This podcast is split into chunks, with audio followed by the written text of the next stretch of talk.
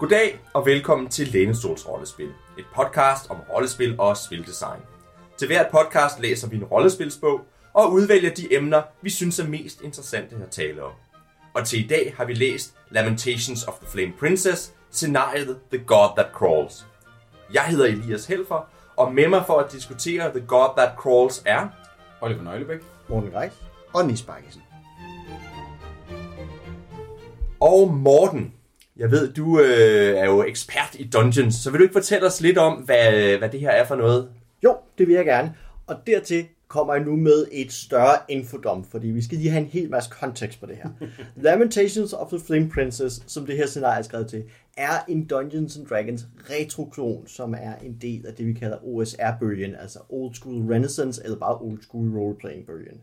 Og for rigtig at forstå på det, så skal vi kigge lidt på, hvad de forskellige dele af det betyder.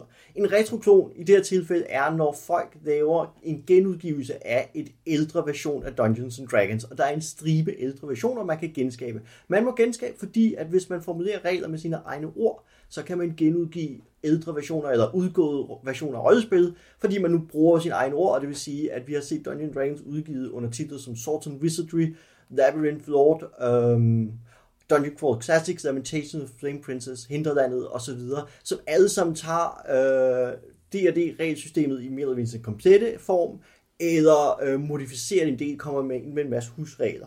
Og Lamentations, altså det er en af dem, der griber fat i en ældre version af, øh, af Dungeons Dragons. Og når jeg snakker ældre versioner, så vil jeg lige sætte det ind også her. Dungeon Dragons udkommer i 1974. Den kalder vi Original Dungeon Dragons, kaldes ODD, det er 74. Så i 77 beslutter Geiger, og det det besværlige ved den her version af det er, at det er et ufuldstændigt regelsystem, som kræver, at man har figurkrigsspillet Chainmail og et vist brætspil, som jeg nu har glemt navnet på, for at kunne spille spillet helt ud. Øhm, så derfor begynder folk alle meget hurtigt at hacke og gøre ting og sager ved det, og allerede i 75 kommer Tunnels and Trolls, et rivaliserende rollespilsystem, der faktisk findes den dag i dag, men ikke særlig kendt. Øh, Øh, så i 77 besluttede Gygax for, at det må der gøres noget ved. Der skal være et standardiseret Dungeons and Dragons system, særligt egnet til turneringsbrug osv. Det bliver altså Advanced Dungeons and Dragons, der udkommer i årene 77, 78, 79, en regel på om året. Øhm, og det er en lidt speciel form for Dungeons Dragons i den forstand, at vi er vant til, når vi slår op i Players Handbook, der er reglerne for kamp.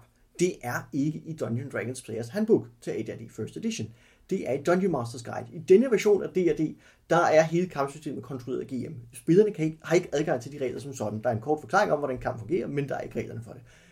Samtidig med beslutter man sig for, at der skal også være et begyndervenligt Dungeons Dragons. Så der kommer altså et D&D Basic Role Playing Game i 77, som så øh, fans kaldes for Holmes-udgaven, fordi ham, der laver øh, designet, hedder Holmes, og han laver et basic regelsystem fra level 1 til 3, og så er det meningen, at man går til AD&D First Edition og spiller det.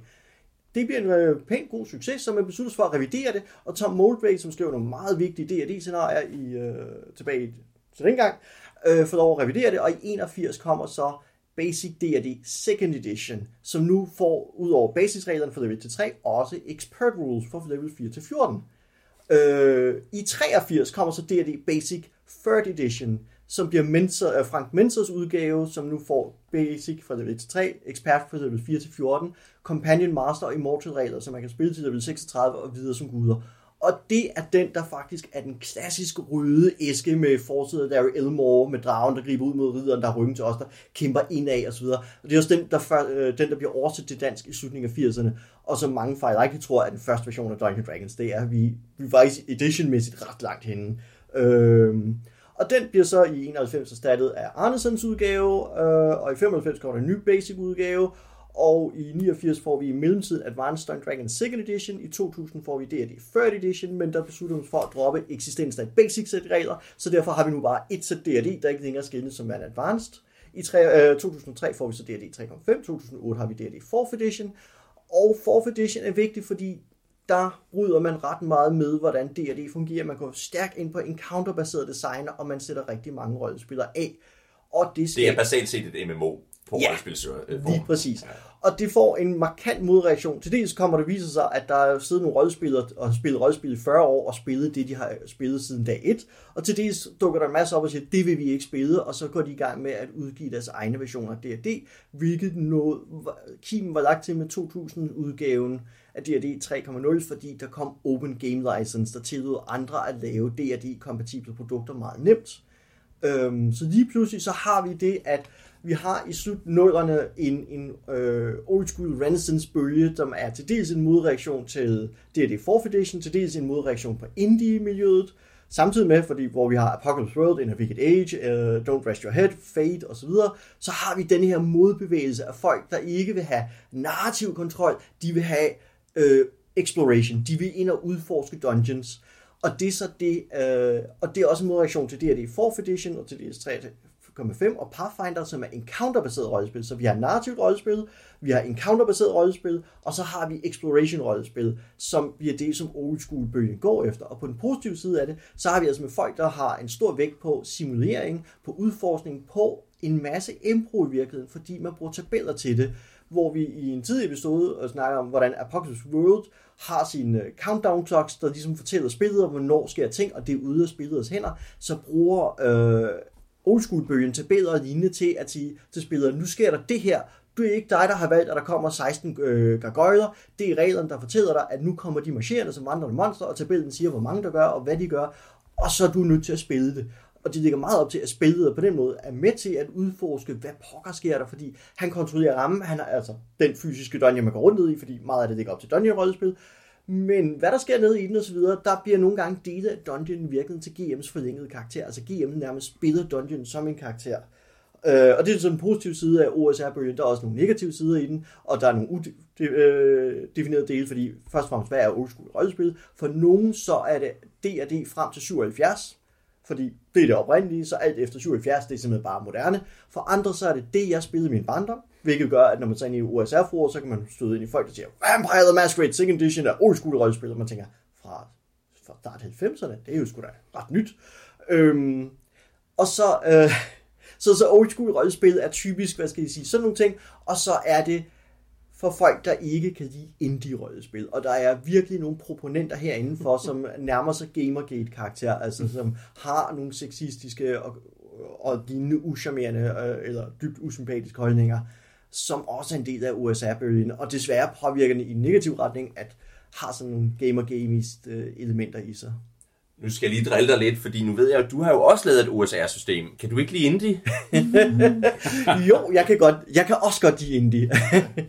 Nej, jeg holder rigtig meget af Dungeon Exploration-elementet. Det at gå ned og aktivere nogle ting, og netop fornøjelsen ved at se spillerne lege med fiktionen, og som spillere lege tilbage med det. Og det er også der, hvor systemet bliver stærkest, er, at det ikke, ofte ikke er et særligt detaljeret system, men lægger op til, at der er ret mange afgørelser, man skal træffe på baggrund af, hvad spilleren beslutter sig. Øh, men i modsætning til tidligere nævnte øh, Apocalypse World, hvor man så ruller to terninger, der to til seks, der fortæller mig, okay, nu har vi et meget konkret udfald, så er der meget mere åbent udfald her, fordi det er den form for måde, spillet er stykket op på. Øhm, men der er så også en yngre og en ældre generation af OSR-spil, fordi hvis man tager de ældre, det er meget tæt på simpelthen bare at være spejlinger D&D, uh, Labyrinth Lord, uh, Swords and Wizardry, så har vi også noget som Dungeon Crawl Classics, som går ind og virkelig hacker det og gør mærkelige ting ved det. Uh, vi har Black Hack, uh, D&D, uh, som basalt set er et, et dybt grundlæggende hack ind i at omstrukturere en frygtelig masse reglerne, og som er fuldstændig uspilligt, hvis man ikke har D&D som baseline. Altså, det vil sige, at det underforstår, at man virkelig er rutineret D&D-spiller. Og så har vi Lamentations her, som er jo en retroklon over D&D Basic 83 udgaven, med nogle, hvad skal man sige, husregler flettet ind, og så er det udviklet sig fra sin første udgivelse i øh, 2009 og til sin senere udgivelse 2013 til også at meget stærkere lægge an på et 1600-tals Europa som, raf, øh, som ramme, og virkelig gå meget mere væk fra fantasy-ting. Så det er nærmest mere vane, at der, man kan spille dværg og halving, end det egentlig er forfatterens ønske. Og orker goblinger er mere eller mindre også forsvundet ud af spillet igen, og erstattet af dagens monster, og noget, der passer ind i et 1600-tals Europa. Bortset fra det også med et horror twist, ikke? Jo, altså det, øh, der er et horror twist i. Der er, noget, der er lidt kulturelt, der er lidt kosmisk horror, der er flere genrer i, men det er ikke så meget horror for gysets skyld, som det er for det groteske skyld. Det er meget mere det klamme og det ulækre. Der er meget mere sådan metal og gonzo over det her, og weirdness. Øh, det, er, det er meget mere det sære. Det er en anden gren af fantasy-genren end den D&D-typiske. Altså det vil sige, hvis vi ser på Dungeons Dragons så har det jo sat op gennem 80'erne og 90'erne etableret Dungeons Dragons som en fantasy-genre i sig selv, som rigtig mange andre medier også trækker ind i. Uh, World of Warcraft for eksempel er basalt set Dungeons Dragons fantasy i et andet medie, og vi har det også i bøger, tegneserier osv. Og en del OSR-materialer uh, går tilbage, tager nogle af de ældre fantasy-genre og prøver at genskabe dem i et rollespilsmiljø. Godt. Og det bringer os til The God That Crawls. Nisse, vil du ikke lige fortælle os, hvad er det, vi har læst? Ja, fordi konkret så har vi jo valgt ikke at kigge på netop på regelsystemet Lamentations, men i stedet for at kigge på et eksempel på, hvordan kommer det her til udtryk i spil, og det gør vi ved at kigge på et scenarie, The God and Crawls. Rent fysisk, så det man får, det er sådan et øh, fint øh, A5, øh, et sted mellem et hæfte og en bog. Det er ikke de senere udgivelser, eller dem de er begyndt at komme med nu her efter noget Kickstarter, de er øh, hardcover indbundet, den her den er øh, softcover, men, øh, men en nydelig øh, bog, øh, ja, farvetryk øh, udenpå, og nogle farvetrykte kort indeni osv. Øh, relativt sådan rigt illustreret. Øh, altså, det, det, det føles, altså det er en professionel udgivelse. Øh, hvad man ellers måske godt med alt det her sådan det, over det er nogle gamle nisser, der sidder og laver ting. Øh, nej, nej, det, det er professionelt rollespil, helt sikkert. Um, og, og sådan øh, rimelig øh, ja, lækkert layoutet, og så øh, jamen det man får er jo et scenarie. Øhm, man får det i den, øh, det indleder med øh, et sådan mindre beskrivelse af, hvad kan man sådan, ja, en øh, hvad kan man sige, brugsvejledning eller en intention øh, statement om, hvad er det, det her scenarie gerne vil. Sådan, hvad, hvad er det, som øh, øh James Raggi, øh, den samme, som er forfatteren til Lamentations. Hvad er det, han gerne vil med det her scenarie? Øhm, så kommer der noget baggrundshistorie for, øh, for scenariet. Hvorfor, hvorfor eksisterer den her dungeon? Hvorfor, øh, øh, hvorfor er der den her udfordring? Og endelig kommer der så selvfølgelig sådan en, en klassisk øh, dungeon-beskrivelse med nogle øh, beskrivelser af nogle, med sådan nogle talkoder, der fortæller, hvad er der i de forskellige rum. Um, nogle kort over, hvor, hvor de her rum er placeret. Og så øh, kommer der den, vi, vi kommer ind på det senere, men den her dungeon er, er fyldt med, med sære magiske dimser, Øhm, og, øh, og specielt er der sådan en magisk dims, en bog, som får ret meget øh, plads, fordi den er, kan gøre mærkelige ting ved scenariet. Og nu skal vi lige øh, hurtigt her sige, der er spoiler warning her. Hvis du vil spille det her, så skal du ikke lytte med fra det her punkt. Så spoiler warning på The God That Calls. Godt. Vil du ikke lige så fortælle os, hvad er plottet i det her? Hvad er plottet der? Jo, jamen, som man måske ikke kan høre i titlen, så vi er vi er ude i, at uh, der er sådan en uh, sådan lidt Cthulhuid-agtig redsel af, af en guddom, uh, som er, uh, uh, ja, og det er faktisk, det foregår som sagt sådan i noget 1600-tals Europa, uh, et sted i England, um, og på en eller anden sær måde, så uh, er den, den stakkels uh, Sankt uh, Augustin, han var derovre, og uh, han, uh, men og så kom der nogle hedninge og slog ham ihjel, men de syntes ikke, det var godt nok at slå ham ihjel. Så de forbandede ham, og så gjorde de ham til en slimklat. Um, but of course. But of course. Som man gør. Um, så, hvad hedder det... Øhm, uh, men i midlertid, så havde de ikke lige regnet med, at øh, fordi han var en slimklat, så kunne han ikke engang dø.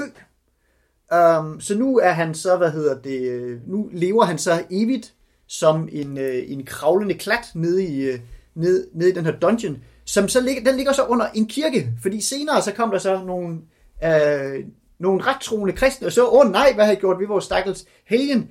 Øh, det kan vi jo ikke, det kan vi ikke lade slippe ud. Så oven på den her øh, slimklat, øh, som hedningene øh, lavede, der er der så kommet nogle kristne, som foregiver at være hedninge, som tilbeder den her Gud. Øhm, men det er de under dæk af stadigvæk at være kristne, fordi de er rigtig rettoende kristne. Øhm, fordi de kan, det, de må ikke slippe ud, at, øh, at en kanoniseret helgen er kommet ud for den her ugudelige skæbne. Øhm, den her gud, den skal fodres, tror de. Um, så derfor prøver de så at lokke eventyr ned i den her dungeon, uh, som den her gud kan æde. Når det ikke virker, så offrer de får til den og sådan nogle ting og sager. Um, og scenariet går så basalt set ud på, at på en eller anden måde, så kommer eventyrene forbi, Um, og så kan man jo nok få dem lukket ned i den her dungeon, hvis de først finder ud af, at der foregår noget skummelt under den her kirke, så kan det være, at de undersøger det, så er de ligesom selv ude om det. Hvis de ikke selv er ude om det, så kan det være, at man kan få dem, øh, at de stikker næsen for dybt i noget, der foregår i landsbyen, og så kan man jo, så kan de blive forgivet, og så kan de blive smidt i dungeon. På en eller anden måde skal man nok få dem derned. Um, og så handler det i virkeligheden bare om at komme ud igen, um, og måske samle nogle af de skatte op, fordi Sjovt nok, så er der også en masse skatte hernede, fordi på et eller andet tidspunkt tidligere i historikken, det er ikke helt klart øh, hvornår, så var det her et sted, hvor man opbevarede farlige artefakter fra rundt omkring i verden. Um, så de er gemt dernede, det er jo sådan nogle artefakter, kunne det jo godt være fedt at få fat i. Der også ligger også nogle penge og nogle skatte og sådan nogle ting, altså jeg fra tidligere eventyr eller et eller andet dernede. Um, men mest af alt, så handler det bare om, at spillerne er fanget i mørket, og der er en slimklat, der vil æde dem, og så skal de prøve at komme ud igen med livet i behold. Um, hvis det alt sammen lyder forvirrende, så bare rolig. Som spiller har du ikke en chance for at finde ud af noget sønderligt om den her baggrundshistorie, men det vil vi alt sammen komme ind på, ind på senere. Morten, du sagde tidligere noget med, at det er noget med weird horror og det ulækre og sådan noget. Vil du ikke sige lidt mere om, hvad er det for en genre, det her handler om? Jo. Um, Lamentations of the Flame Princess ligger meget op til uh, body horror, til weirdness, til over-the-top metal. Det her er jo et rollespil, hvor man har uh, udgivet et par supplementer, hvor trylleformularer for eksempel alle sammen er titler fra metalsang og så videre. Det, det er meget åbenlyst med det. Der er også, hvad skal jeg sige, i regelbogen og andre steder, billeder med bare bryster og lignende. Det er ikke fordi, der er til pornografiske elementer, men der er nøgne ting i øh, her og der. Og det, det er... Der er en medusa, der har seks ben, hun har været til sten. Altså, okay, det, synes jeg, det, havde, det billede havde jeg svidt ud. Beklager. uh, det billede er der så. Uh, men det er et, et meget over the top, sådan gonzo, nu går uh, overhold, altså nu går vi fuldstændig over gevind, og det er også sådan, hvad skal jeg sige, et, et rollespils ting, hvor mange ting, altså det, der er mere, der er flere scenarier, hvor man kan risikere nærmest at forårsage verdens undergang, hvis man hiver fat i de forkerte ting. Uh, kommer til at starte en zombie-apokalypse i et af de andre scenarier og sådan nogle ting. Der er for eksempel bogen. Der er for eksempel bogen i det her, ja. Um, så vi, skal vi tage den nu, eller skal vi tage den? Nej, nej, det er bare for at sige, der er en bog her, ja, der kan... der er en bog, der kan gøre ting, der kan forårsage, ja. Øhm, og så det, hvad skal jeg sige, det er, øh, så på den måde, så, så verdenen, der bygger op omkring, er sådan den her, sådan, alt er forfærdeligt, alt er grotesk og, og, og ulækkert og beskidt, og det er sådan en, det er ikke grimdark, som vi er vant til det, og det er ikke som det er sådan, jeg oplever det som i Warhammer-universet, men, det, men mere den her sådan, tunge vægt på det groteske øh, og på det sære, som er meget det, der driver det her. Og så selve scenariet er lidt mere en, øh, lidt mere sådan en lidt eller alien, vi bliver forfulgt nede i en, et, øh, en labyrint. I det her tilfælde her lægger scenariet op til, at man basalt set strander eller vågner op nede i dungeon, får ud af, at man er fanget dernede, hvor er udgangen, fordi, eller hvordan kommer vi ud? Der er noget nede i mørket, der jager os. Og det, det der er i mørket, der jager en, det bliver ved med at, altså, i bedste alien-stil, at blive ved med at forfølge os, og det er umenneskeligt, og det er deformt, og det, øh, det er sådan kosmisk kaos, som, øh, som man i virkeligheden skal bygge den her redselsstemning op over, så det skal forvandle sig fra, fra, at spillerne er kendt med, vi går ned i en dungeon, møder nogle monstre, banker nogle af dem, snakker med nogle af dem, tager deres skatte for XP for, for de skatte, vi har samlet op, fordi det er en ting i, i ældre versioner af D&D og Lamentations, er, at XP øh, kommer for de skatte, man vinder i en dungeon. Øhm, så det vil man også gerne her, og det er også det, der har lukket spillet ned højst sandsynligt. Men nu opdager de bare, at den her dungeon er de fanget i. Man kan ikke gå hjem, når man har lyst. Uh, man kan ikke slå monster ihjel. Det bliver ved med at komme, og man er fanget, og ens fakler begynder at brænde ud. Man begynder at løbe tør for mad. Man begynder at mangle søvn, fordi hver eneste gang man vil solare og hvile, så kommer monstret. Og monstret kan godt sive ind under døre og så videre, fordi det er uformeligt. Og det bliver bare ved. Og hvis I støjer for at få fat i skattene, så kommer det. Hvis I støjer for at forskanse jer, så kommer det. Hvordan kan I holde jer væk? Hvordan kan I blive ved med at løbe hernede? Det er et eller andet sted, det der er, det der virkelig er det seje ved scenariet, hvis man kan få den del til at virke. Jo, også fordi det er jo netop, det er ikke en, man, sige, det, man kan, det er en fjende, man sagtens skal undslippe. Øhm, det er, altså det, man er ikke sådan på den måde ligesom trængt, men man skal bare ligesom hele tiden flytte sig med videre, og man skal hele tiden finde ud af, okay, kan vi slæbe den her skat, eller skal vi dumpe den for at komme væk? Fordi den er, det er sådan ligesom et, et ustoppeligt sådan bølge, der kommer efter en, men, men, men man kan til gengæld godt løbe fra den. Det er ligesom en gamle zombiefilm, inden de lærte at løbe. Ja, Øh, ja. ja. Ja, lige præcis. Øhm, og der er jo også der er en meget malende og i virkeligheden ret fed beskrivelse af, hvad der sker, hvis der er en spiller, der bliver fanget. Altså jeg vil så sige, og, og det kan man ret hurtigt se, man skal ikke blive fanget af det her monster, for så bliver man spist.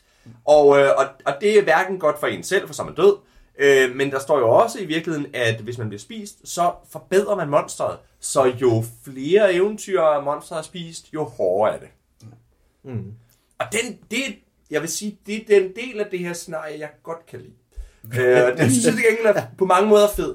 Er, er fed. Og jeg, jeg sad faktisk og tænkte, hvis nu man tog og vendte om på det, så man brugte mere tid oven på jorden og, og, og i den der landsby, så ville det være et fedt call-scenarie i virkeligheden. Ikke? Der er meget af det der netop kosmisk horror, ikke? Ja. Jo, hvis man, hvad kan man sige, hvis scenariet lagde op til, at man faktisk havde en chance for at finde ud af, hvad, hvad er det, vi går ned, og man ligesom, øh, ja, også lidt selv har været skyld i, at okay, nu er vi kommet ned, og, og nu står vi så over for redselen, og det var, vi er ude, hvor vi ikke kan bunde, så vil jeg også synes, så var det fedt, men netop den her med, at der er meget af den her baggrundshistorie, som jeg var inde på tidligere, som, det er meget, som, er meget, meget svært tilgængeligt, hvis Der overhovedet. står eksplicit, at det ikke er noget, spillerne har kommer til Mm, at, ja. at, at finde ud af. Ja. Men det er også der er en, der er en ting i forhold til, nu så samler du Alien som eksempel her, og det der gør den her, øh, nu springer jeg lige frem i min, mit eget punkt senere, men det er også, du har rundt en dungeon, du ikke kender. Verden omkring dig er ukendt, og der er et monster, der jager dig i den. Der er ikke noget som helst her, som er holdepunkter, og det synes jeg netop er det, der gør, at zombiefilm er, er spændende, og Alien er spændende, det er, personerne er i en verden, de mestrer, som er blevet overtaget noget, de ikke mestrer. Men her har du både en verden omkring dig, som er utrolig dødbringende på alle mulige sære måder, og et monster, der jager igennem den. Du har ikke nogen holdepunkt overhovedet her. Det er ren jagt, klapjagt gennem øh, en nåleskov øh, med, med tårne, ikke? Det synes jeg, at det bliver rigtig meget oven i hinanden pludselig. Jeg tror, noget af det skyldes, at man jo ligger, man har et, øh, en genre, man lægger en anden nedover, ikke? Fordi udgangspunktet er jo, vi går ind i en dungeon i en verden, vi ikke kender og møder mærkelige ting. Og nu tager du så den anden, der ligger ovenpå, men det kan også være, men, men det gør også nemt, at det kommer til at mudre billedet af, hvad genren er. Jeg kan godt se, hvordan at, at eventyrene ville være kompetente i en dungeon normalt. Ja. Men nu er de lige pludselig jagtet vildt. Ja. Så er der også mange af de... Nu kan man sige, at vi snakker lidt om, at resten af hulen virker en lille smule... At det mesher ikke helt. Men der er alligevel masser af de andre ting, som også understreger den der horror. Der er for eksempel en fælde. Jeg kan ikke lide den i øvrigt, fordi det er sådan en dødsfælde på en lidt træls måde. Men der er et spejl. Du kigger op i loftet, og der er et spejl. Og du kan se op i spejlet, det ser ud som om, der hænger en, en ædelsten op i loftet. Du kan ikke se ædelstenen, men du kan se den inde i spejlet. Men hvis du så prøver at få fat på den ædelsten, bliver du suget ind i spejlet, hvor der er sådan en anden verden, hvor du pludselig kan blive fanget i det her krakelerende spejl. Og udover at jeg ikke bryder mig om sådan nogle gotcha-fælder, hvor nu, nu er du død, fordi du, øh, fordi du gjorde noget forkert, så, så er det jo et fedt billede ikke? På, på sådan øh, det her sære og udenjordiske, og, og, og så, så på den måde er det meget sådan, øh, det, det, det, det er meget stemningsfyldt på den måde i virkeligheden. Og det er der flere eksempler på i det, hvis jeg nu skal sige noget positivt om det. Altså, at, at, at der er nogle ting, hvor jeg tænker, hold da op, det her er i virkeligheden fedt. Som billede. Det, ja. det, det synes jeg ikke er nok. Jeg synes, jeg synes det, det jeg, kan ikke, jeg kan ikke bruge et billede, der er malet øh, et eller andet fælles sted øh, under et bord. Fordi der er, en- det er fedt nok, okay, et fedt visuelt billede, men det er en frame, i, der, der er taget ud af kontekst fuldstændig. Øhm, for nu det springer fremad, fordi jeg kan mærke. Jo, Ja. også, også, hvad kan man sige, også netop fordi, nu springer jeg måske det samme sted hen som, som Oliver, men hvad hedder det, men det der med, det er et billede, og så er, der, så er der et andet fedt billede, jeg synes, der er nogle andre, så er der en ring, som gør nogle forfærdelige ting ved en og sådan noget. Men de harmonerer ikke. Nej. ikke? Altså, det er sådan lidt det der, Der er med, de, de, de, de er fede i sig selv, men de er ligesom sådan enkelt Ja. Bl- blik. Og der kan man måske sige, og det er måske i virkeligheden det, vi nærmer os her, at for at det er ordentlig horror, skal det, der skal i virkeligheden være noget dybere liggende. Det er ikke bare øh, sære ting, der sker, men der skal også, det skal også have en, en, en rod tilbage i et eller andet større. Det er jo noget af det, der gør Cthulhu mytos øh, til gruopvækkende, fordi der er den her dybere liggende verden er imod jer, og der er kræfter større end jer, der modarbejder jer. For mange af de her ting, det er bare det, random ting, der sker. Der er ikke nogen grund til det. Det sker bare og er forfærdeligt. Ja, altså det vi er jo inde på her, som vi måske ikke får, som jeg er ikke helt sikker på, at vi får tydeligt frem er, at det vi kritiserer for er, når man går rundt i dungeon, flygtende fra monstret og vidende efter en udvej, så er der en masse rum, man går ind i, og hvad er det, de, øh, man vil se, hvad, hvad vej man vil følge, hvad vej man går, hvad rum man træder ind i, men al, mange rum, der har et eller andet sært i sig, som mere eller mindre er fuldstændig vilkårligt i sammenligning med, altså med, der er ikke en tematisk helhed for det, der er ikke noget, der samler det, det er simpelthen bare strøget ud over med din hånd mærkelige idéer. Øh, Uden sammenhæng. ja,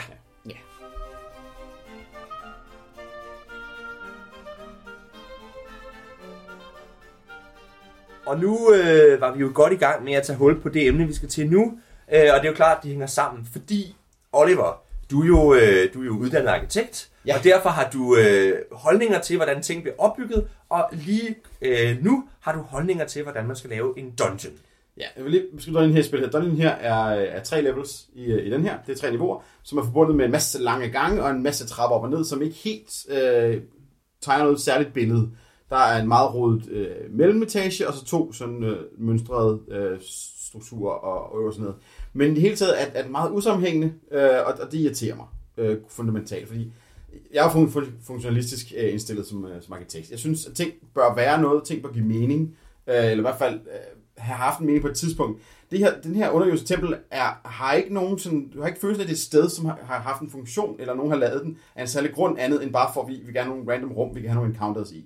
Det er meget sådan en, jeg vil gerne forvirre spillerne, så de ikke kan tegne kort på deres, øh, på deres ternet papir, mens de løber rundt i dungeonen. Det skal helst være forvirrende for spillerne, så de, så de føler, at de er helt tabt. Uh, jeg ved ikke, hvor monsteret er henne. Øh, Det virker meget forceret, øh, sådan randomness. Og så har du proppet de her rum ind, hvor der lige pludselig er et spejl i loftet med, med en ædelsten Hvorfor er der det? Er det nogen, hvem har installeret det? Hvorfor er der nogen, der har monteret et kæmpe spejl med en falsk diamant inde i, som er en kosmisk portal? Det gør Hvorfor jo er der- mening. Hvorfor er der Ja. det? Den er dog primært kun fordi, at det er for, at spilleren kan lave en gotcha moment for spillerne. Og det synes jeg ikke er godt nok øh, fundament- fundamentalt. Og der er jo en fortælling om, at øh, kirken har øh, havde en masse farlige genstande, og så sendte de dem op nordpå til barbarerne, hvor de kunne være, uden at der var nogen, der, kunne, der ville få fat på dem, og så har de begravet dem. Men det er rigtigt, det Det er... forklarer ikke spejlet der. Altså, Eller den usynlige tronstol. Nej, altså, man tænker sig, at der er så meget random crap i den her dungeon, og rum, der er formet som underlige ting, primært bare for at gøre det svært at tegne, øh, virker det som om, eller for at gøre, gøre det lidt spændende at gå ind i rummene. Og der tænker jeg, man kunne jo godt have haft en fortælling om, at da de byggede det her sted, hvor de skulle opbevare de her farlige ting, har de lavet nogle dødsfælder og ting for at holde folk ude. Men det er der ikke. Og det har man heller ikke fornemmelsen af, synes Nej, det er jeg. heller ikke fordi, at du skal gennem fælderne for at komme steder hen.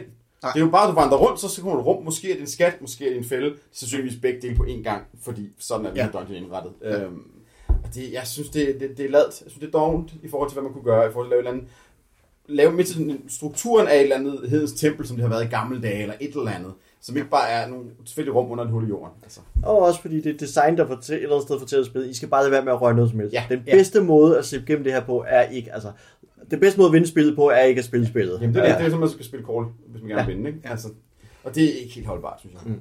Og, det, og nu synes jeg her, at der er lidt værd at, at sammenligne med for eksempel, der findes jo andre dødsfælde dungeons. Det er ikke fordi, at dødsfælde dungeons er en ukendt genre. Øh, der er en klassiker af øh, Tomb of Horrors, eller øh, i, hvis vi skal over i svær trolddom, så har vi jo sågar Death Trap Dungeon deri. Så det er helt fair at lave dødsfælde dungeons. Øhm, men, men så giver man som regel, altså så er der som regel en eller anden præmie, som man godt vil give folk. Eller et eller andet, altså hvor man netop prøver at lokke folk til at spille spillet ved at sige, du kan faktisk også godt vinde. Ja. Hvor den her er meget sådan, jamen altså okay, der er også nogle ting, man godt kan vinde i den. Man kan godt vinde, man kan godt finde nogle penge, og penge er jo så også XP, så det er ikke en dårlig præmie.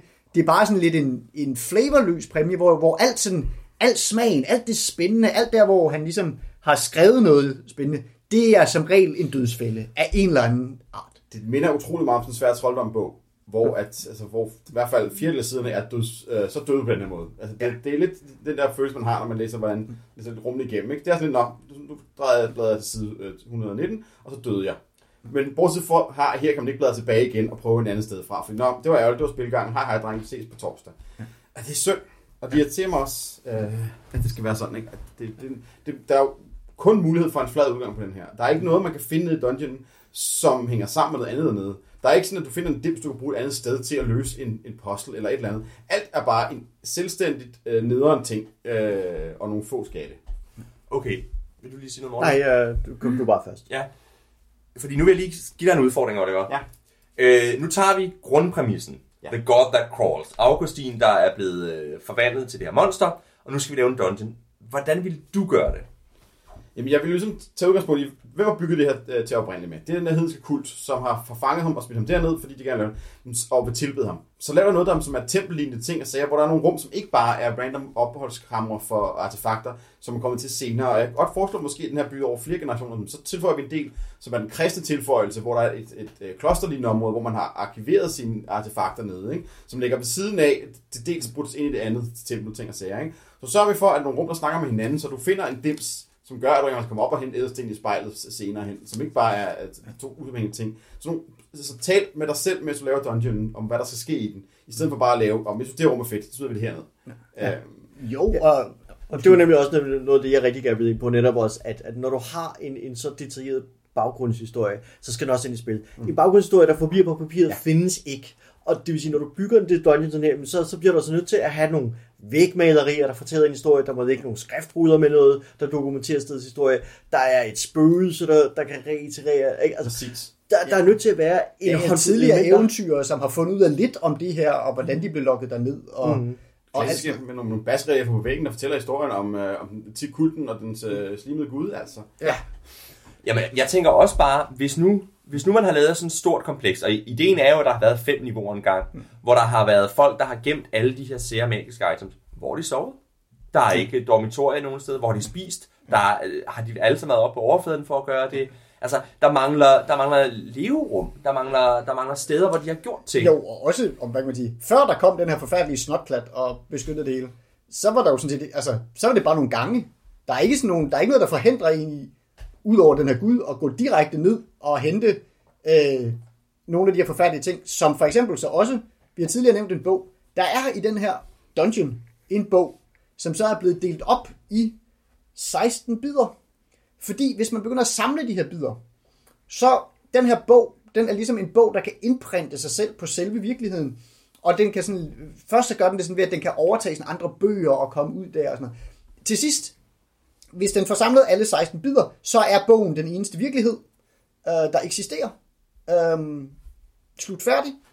Og, og, det, øh, og det er sådan, så, så der er altså den her redselsfulde bog, der kan ødelægge verden dernede. Det er ikke den, scenariet handler om. Scenariet handler om den her snotkat en gud, men, men der er noget endnu vildere dernede, som kan ødelægge hele, hele universets eksistens tilfældigvis. Ja. Og der synes jeg, at mærkeligt nok scenariet et eller andet sted, at, at forfatterens et eller andet Øh, team, eller hvad skal jeg sige, det han vil fortælle, virker som om, han gerne vil diskutere kristendom. Han, vil, øh, altså, han, han har gør noget, han kan ikke lide Augustin til synligheden, han peger lidt fingre af kirken, øh, og så har han den her, sådan, i begyndelsen var ordet, og nu har han det her, der slutter af med, og til sidst var kun ordet, ikke? Altså, at, at fra, fra, hvad skal jeg sige, fra Bibels bestand, ikke i begyndelsen var ordet, og så har vi det her, der slutter med, og til, til sidst var kun teksten. Alt andet er ophørt, ikke? At, at der er sådan en besyndet i spejling, en, en, en en proces, der nærmest øh, opskaber, altså omskaber, ikke, ikke omskaber, men ophæver eksistens og spoler hele skabelsen baglæns. Og det er sådan lidt, hvad, altså det føles lidt, at der, som om, at der, der er noget andet, han gerne vil snakke om, men som han ikke, ikke rigtig får ind, ikke? Altså det, i, Det da det også- kommer ikke ind i spillet i hvert fald. Det, der også gør mig så vred omkring hele den her måde at gå det til, det er, at han har et, øh, to rants i starten af bogen, hvor han forklarer konteksten for det her scenarie. Den første er, hvad det handler om, at øh, eventyr, hvad nu det hedder, øh, Adrenaline Freaks, og de står med for sjov, og sådan ting, og det er meget fint rant i virkeligheden. Andet rant handler om, at fordi der er den store backstory om dungeonen, så har den meget mere gravitas og vægt, fordi det er jo tydeligvis, at når vi blander noget kristendom og, noget, og nogle helgener ind, som vi fucker med og ting og sager, så det er meget tungere og meget mere, hvad det hedder, øh, øh hvad det hedder spændende, som giver vækst til snart. Gud gør det røv. Det er ikke noget, der kommer til at være relevant for spillerne på noget med tidspunkt i den. Der er en snotklat. Det fuldstændig lige meget, i en kristen helgen tidligere, fordi det er ikke noget, der optræder i den. Der er en masse loot. Det er lige meget, at det indsamlet af kristne, som synes, det er kætterisk at skal ned i en dungeon. Fordi det er ikke noget, der kommer i spil. Det er ikke noget, der står nogen steder forklaret eller noget som helst. Og det giver ikke nogen vækst, når det bare er hængt op på hele balloner hele vejen igennem. Nej, for det sjove er, at, at hvad skal jeg sige, han går meget detaljeret med øh, præsten, og det lokalsamfundet bliver relativt veldetaljeret, ja. Og det er rigtig godt som spiller, fordi det kan jeg improvisere over, det kan jeg spille over. Og så kommer den samme detaljegrad i for Dungeon, eller nærmest større detaljegrad, men det kan jeg ikke spille over, fordi han samtidig med ikke giver mig nogen værktøjer til at få det spil med. Så på det ene punkt, der har jeg værktøjer til at spille med, og det andet sted, der har jeg bare et sæt løsrevne værktøjer, jeg ikke kan spille med. Um, ja. Jo, og også apropos det, du siger med, at det lader til, at han gerne vil sige noget om kristendommen. Når han så indleder med to rants om, hvad han gerne vil med det her, så er det sjovt, at han ikke kan få ind og sige, og i øvrigt så synes jeg, det var spændende at ligesom udfordre altså, kristendommen, eller grunden til, at jeg har valgt, at det er en helgen, og grunden til, at jeg har valgt, at der er en bog, det er fordi, jeg synes, at det er et sjovt billede. Altså, det er jo ikke fordi, han behøver at sige, hvad han ville med det, men han kunne godt bare lige indrømme, at han måske havde et eller andet, han gerne ville ud med. Og så tænker jeg, når det handler om kristendom, så undrer jeg mig faktisk over titlen. The God That Crawls. Hvem er det, der har fundet på den titel? Fordi det ville øh, de kristne i hvert fald aldrig finde på at kalde ham, fordi han er jo en helgen. Han er jo ikke en gud. Der er kun én gud. Er det hedningerne? Mig, så vidt jeg husker, så står der ikke noget om, at det er dem, der har lavet den der titel. Så, så altså, Ja, for, ja, for hvem er, det, er, er den egentlig en gud? Ikke? Ja. Altså, ja, okay, hedningen begyndte at tilbede den lidt undervejs, men det er sådan lidt... Men de har jo selv lavet den, så det er jo Ja. ja. næppe noget, de mener er super ophøjet eller noget. Ja, nej.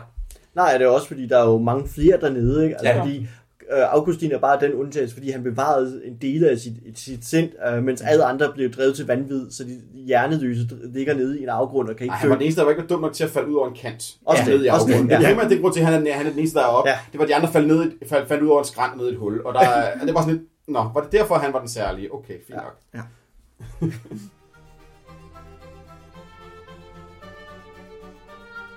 I det hele taget, så er vi øh, meget kritiske over for, øh, for meget her. Og, øh, og vi har haft et par rants. Ah, nu kommer vi til mit rant. Fordi jeg er, øh, faktisk ret, jeg er faktisk ret fortørnet over nogle ting i det her scenarie. Jeg synes, det er... Jeg vil gå så vidt til at sige, at jeg synes, det er forkasteligt, den måde, nogle ting bliver gjort på. Øh, og uetisk, og det bryder med, man snakker meget om det, der hedder en fiktionskontrakt, det vil sige, at vi har en kontrakt om, hvad er det, vi skal spille, og jeg synes, han bryder med den kontrakt flere steder. Og der er især et sted, der er et af de her forfærdelige magical items, som jeg synes understreger, hvad det er, der er galt med det her scenarie, og hvorfor jeg synes, det er øh, uetisk. Og det er, et, øh, det er sådan et aksel, som man kan tage og føje ind i en stridsvogn, en, sådan en, en chariot. Og øh, hvis man så gør det, så kan man så køre op på den her chariot, og så begynder der at være ild rundt om en, og man skal holde rigtig godt fast. Det er sådan set fint nok, det, det, øh, det, det er okay. Men hvis man bliver ved i mere end fem runder, og det skal spillederen sådan set sige til folk, med dramatisk stemme. med dramatisk stemmeføring, fordi pludselig kommer der en stemme fra det hinsides og fortæller dem, at mere end fem runder vil være at risikere alting. Fordi det, der så sker, det er, at så forlader man den her virkelighed. Hvad betyder det? Jo, det betyder, at man, man giver sit øh, karakterark til spillederen, som så putter det i en konvolut, sammen med en svarkonvolut med et frimærke på, og en lille seddel, hvor der står, øh, der er mulighed for en belønning. Og så stiller han det forskellige steder ude omkring i verden. Og hvis der så er nogen, der returnerer det til spillederen, så skal spilleren så gå ud og købe en belønning med en værdi, der svarer til et øh, Big Mac meal til den person, der har fundet det. Og hvis de gør det, så får de deres karakter tilbage med plus 1d4 gange 10% XP. Øhm, men hvis den person så har, øh, som, som returnerer det, så begår en forbrydelse imod spillederen, så skal han kaste den person ud af, øh, ud af gruppen, øh, fordi så er det åbenlyst, at det er spilleren, der er et dårligt menneske. Og jeg sad og læste og tænkte, hvad for noget? Så lidt senere i den samme beskrivelse, så står der, at hvis en spiller tager præcis 8 øh, øh, points skade, enten på en gang eller kumulativt, eller sådan øh, løb, Ved at køre med den her vogn. Hvad siger du? Ved at køre med den Ved at køre på den der vogn. Øh, så øh, forsvinder han i en virvelvind af sorg og smerte. Og så står der, at hvis der er en spiller, som griner naturligt på det her tidspunkt, så får den spiller lov til at beslutte et, eller øh, ja, og, og diktere resultatet af et rul på et tidspunkt i fremtiden. Og det skal man først fortælle, når, når, når vognen slutter. Og hvis der er nogen, der har læst det og forseret griner, så skal de male deres næse gul hele resten af sessionen. Og hvis, der ikke har, hvis ikke man har noget gul farve, så skal de male deres øh, næse gul hele næste session. Bortset fra, hvis, de, når der er nogen, hvis der så er nogen, der ikke griner overhovedet, så skal de have en dumme hat på. Hvis man prøver at slippe af med det her ved en Dispel Magic-spil, så er det så spillederen i stedet for. Og der synes jeg, at han fucker på en meget ufed måde med, hvad der egentlig er kontrakten om, hvad det er, vi spiller. Vi spiller et spil, der foregår i en fiktionsverden. Og man kan så sige, at det sidste kan sådan se, altså det der med, at der er noget med, hvad vi som spillere gør, der har indflydelse, det kan til en vis grad måske nogle gange godt forsvares. Men det der med at inddrage den omkringliggende verden, og min, altså at sige, nu skal du betale noget for at få din karakter tilbage. No dice. Altså, jeg må sige, jeg elsker ideen om konvolutterne, om, altså, hvis vi ser bort fra betalingen, det er ideen med, et eller andet sted symboliserer det jo, at du har reddet på den her øh, stridsvogn, jo, som kan rejse som ildkugle, dydende hurtigt, men hvis du falder af, strander du hinsides tid og rum, og du ryger faktisk ind i vores verden. Øh, som ret mange dårlige fantasyfilm fra 80'erne, hvor de jo for at spare budget, så dukker den port op, og helten vælter ud af sin fantasyverden og ind i vores, og vandrer rundt, forvirret rundt i LA. Uh, fordi det er ret billigt, det film, det ser. um, og et eller andet sted er det jo virkelig det, der sker, ikke? At, at øh, karaktererne rider på den her, bliver slynget af og strander i vores verden, og finder, bliver nu fundet nogen, der guider dem tilbage til deres verden. Um, det er min mest positive læsning af det. Og så er der, der er det med betaling, og der er nogle andre moraliseringer, som jeg også bare synes er fuldstændig bizart, og, og det med den gule næse, og der, der giver jeg bare op og prøver at få mening i det her. Men, men, men jeg, jeg, der er jeg meget uenig med dig. Hvis nu vi så havde en episode, hvor Dungeon var LA, eller Dungeon var, hvis- nu det for eksempel det var hjemme på min ungdomsskole, så var det Ringkøbing for eksempel. Ikke? Man kunne godt lave Ringkøbing til en dungeon, hvor man skal finde tilbage til sin egen verden. Det er ikke det, de gør. Mm-hmm. Og det er der, hvor de bryder kontrakten. De, de ændrer pludselig reglerne for, hvad det er for et spil, spiller. Og det er det, jeg opponerer imod. Ja, eller i hvert fald har jeg sådan lidt, altså igen, jeg, jeg kunne måske godt, hvis vi havde aftalt på forhånd, hey, det, nu laver vi sådan noget fjol her. Altså, der, man kan jo også spille in-crowd øh, LARP, og så kan man, må man ligesom tage med, at nogle gange, så er der nogen, der sætter sig ned og gerne vil drikke kaffe sammen med ens vampyr, og så prøver man ligesom at holde maskeraden eller et eller andet. Fair nok, man må også godt lave in-crowd, normalt øh, sådan tv, øh, pen and paper rollespil og give øh, tilfældige konvolutter til sine naboer, og så se, om øh, man, man får noget af det. Den kontrakt kunne jeg ellers ikke være med på. Jeg synes bare, det, det er ikke den kontrakt, jeg får ud af, at øh, et, øh, et rant om, hvor meget patos man får ved at inddrage øh, ægte kristen, hvad hedder det, øh, øh, religion og så videre i sin øh, dungeon-skabelse, eller, og det er heller ikke det, jeg får ud af, og, altså hele dungeon handler også, hvad man siger, når man, det indledende spil om, altså spilleren skal jo ikke vide, at det, det, vi skal til at spille en dødsfælde. Vi skal ligesom have dem lukket ned i den her dungeon, fordi, haha, så fik jeg dem. Øhm, og så kan de ligesom selv lære, at de, at de skal komme ud af det her. Øhm, og, og, og hvis det ligesom er kontakten for vores spil, at øh, okay, jeg er her til synligheden, for, ikke for at gå på eventyr, men for at være lidt påpasselig med at gå på eventyr. Så, og nu skal vi så pludselig også inddrage i noget med, at jeg skal have malet min næse gul, hvis jeg ikke griner af dine vitser.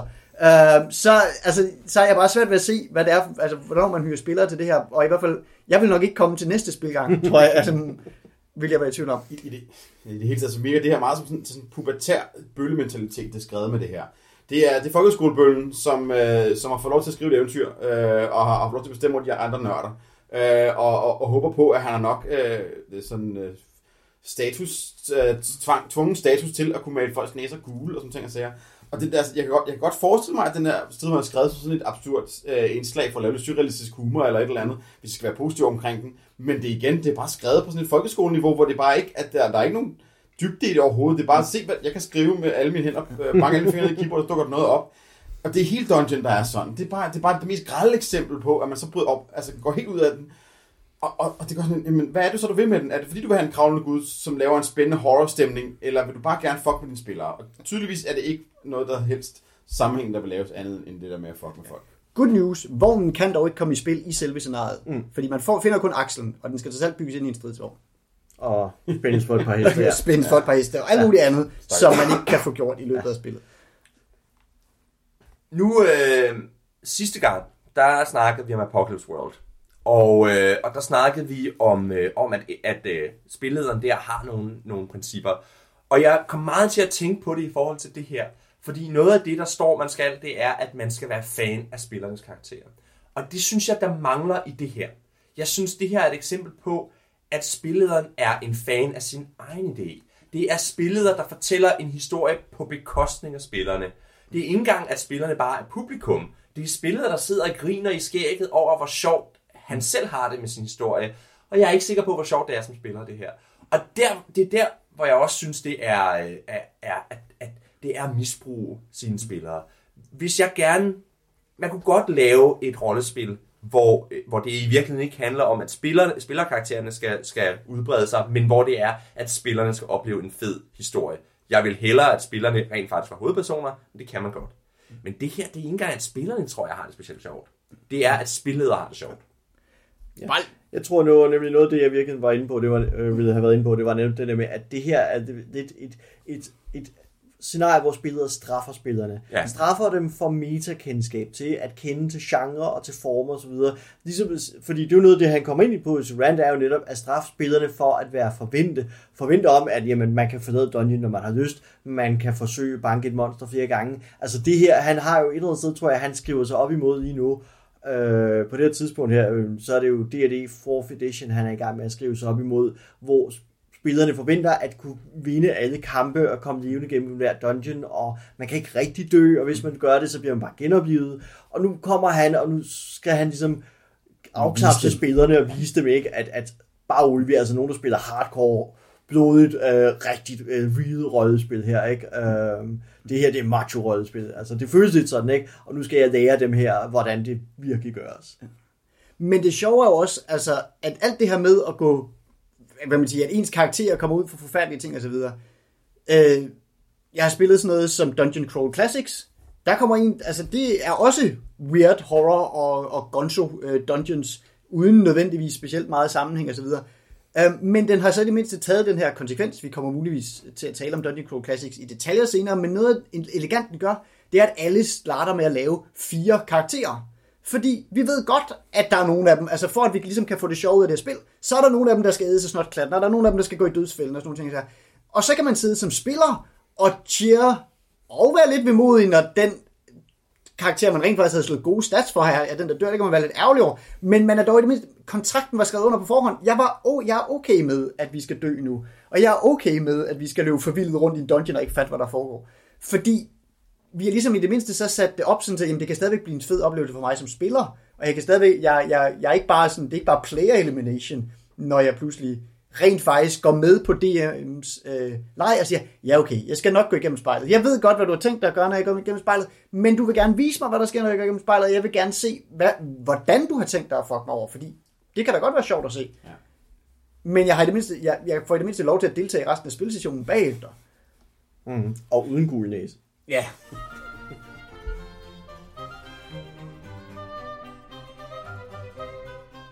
Godt. Nu har vi øh, rantet meget om øh, det her produkt. Øh, så lad os nu se, om vi, øh, hvad, hvad vi i virkeligheden tænker om det. no, tell me what you really think. så, så Oliver, hvad, hvad, hvad, hvad, hvad, hvad, hvad er dit takeaway for det her? Det starter så potentielt godt, når man læser indledningen og virker, det virker så spændende med så baggrundshistorien for det, og så er det bare den mest fæsende dungeon længe. Ej, jeg, kan, jeg bliver helt vred og lyst til at lave mange dungeons, som er bedre end den her. Jeg bliver virkelig sådan motiveret vred af det her øh, skrummel. Nis?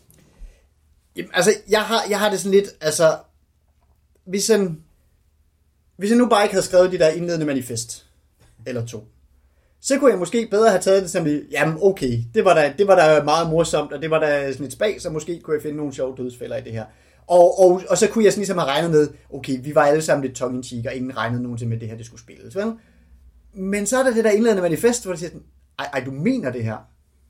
Okay, så, så er jeg ligesom, så er jeg meldt ud. Altså, det...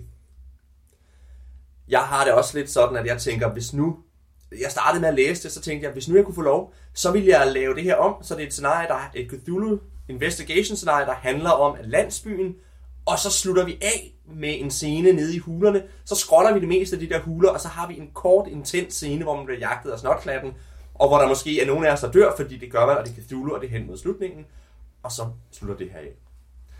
Og nu er jeg igennem dig til sidst, Morten. Det er dig, der, er, det er dig, der har foreslået det her. Jeg var lige ved at sige, hvad bilder du dig ind? Øh, altså, hvad, hvad, tænker du om det? Er der noget, er der noget vi har, har, har misforstået, eller er du, er du enig med vores kritik af det her? Altså, langt hen ad vejen, så er jeg enig med jer. Uh, jeg synes, altså, hvad skal jeg sige, jeg synes, ranten er irriterende. Jeg synes, der er meget scenarie. Der er dumt designet, øh, og der er noget af det, der hvad skal jeg sige, virker bare som proppet ind, fordi han, han fik nogle sjove idéer, mens han skrev teksten, stridsvognen, bogen, der får verden til at gå under osv. Sådan nogle ting, der vil pille helt ud, og det er jo en type scenarie, hvor, hvad skal jeg sige, et eller andet sted læser jeg også meget som core scenarie, som du gør, Elias, og jeg, jeg kan se, at det, der i virkeligheden er spændende, er spillet øh, i landsbyen, det der med, at spillerne vågner op øh, i dungeon og bliver dukket ind i en dungeon, som er vendt i en klassisk dungeon på hovedet et eller andet sted, vi er dukket ind i den, vi skal, vi skal ikke ind i den, vi er, vi er godt ud af den nu. Øh, der, altså hvad skal jeg sige, hvis jeg kunne ovenfra gå ind og klippe sådan nogle segmenter ud og redesigne scenariet, så ville der være del af det, jeg ville have stor fornøjelse med spillet. Ideen om at blive, at det kravlende amøbemonster, der forfølger os eventyrene gennem gangene, vil jo nyde at spille, men Klart. det vil også være store dele, jeg vil simpelthen klippe ud og fjerne, øh, fuldstændig fjerne, øh, fjerne fra scenariet. Og derfor ender det med, at, at der er så lidt tilbage af sin kerne, at det bliver sådan egentlig ret skuffet, fordi der er så meget, at jeg ikke kan bruge det her, øh, fordi det bare er dumt. Er det her et godt eksempel på, hvad øh, Old School Revival eller Lamentation of the Flame Princess er? Jeg vil sige, det er et godt eksempel på, at dele af Old School Revival ting øh, har nogle holdninger og har nogle agendaer til, hvad, hvad rollespil er, og hvad godt rollespil er, og hvordan man gør sådan nogle ting. og, og de lader det skinne igennem i deres produkter. Og det synes jeg, det her er et godt eksempel på, at, at det, de her produkter bliver i flere tilfælde lavet af folk med stærke holdninger til genren og formen osv. Øh, Øh, men til gengæld synes jeg også, at det er et, et dårligt eksempel på, hvad en dungeon ellers kan være. At, at Lamentations har nogle andre fine produkter, som jeg ser frem til. Altså, der er et af de andre jeg scenarier, jeg har planer om at udsætte faktisk for nogle spillere og få spillet, fordi det faktisk lader til at være mindre, eller det, lige nu er mit indtryk af et andet, andet scenarie, som jeg ikke tænke mig at nævne her, faktisk, at det virker til at blive en ret underholdende oplevelse. Og der er også fra nogle af de andre ting, som jeg har fingrene i, Dungeon Crawl Classics, som er sært underholdende, har nogle virkelig fascinerende gimmicks øh, i nogle af deres scenarier, som er ret sjove også. Så, så der er nogle ting i det her, som, hvad skal jeg sige, hvor man får nogle virkelig over the top fantasy ting. Øhm, også fordi, at de her scenarier, der er nogle af dem, der er det, ligesom det her faktisk, det kan jeg huske noget, I spurgte mig til tidligere, hvad det ved, det her skrevet til. Der er den her type scenarier, flere af dem er levedløse, fordi man har med kosmiske kræfter at gøre, og det er virkelig ligegyldigt, om du er level 1, level 5 eller level 10 karakter, fordi det, du har med at gøre, er nu så sært og så grænseoverskridende, at det bare bliver en fascinerende oplevelse, uanset hvor sej din karakter er. Øh, og det er noget af det, jeg synes, der er sjovt ved det. Og her har vi så et godt eksempel på noget, der er levelløst, at der er stærk agenda bagved, og det er desværre ret dårligt, øh, når det kommer stykket.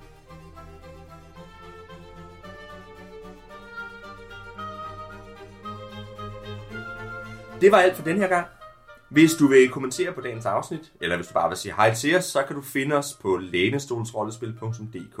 Og du kan også finde os på Facebook, hvor vi er Lænestolsrollespil.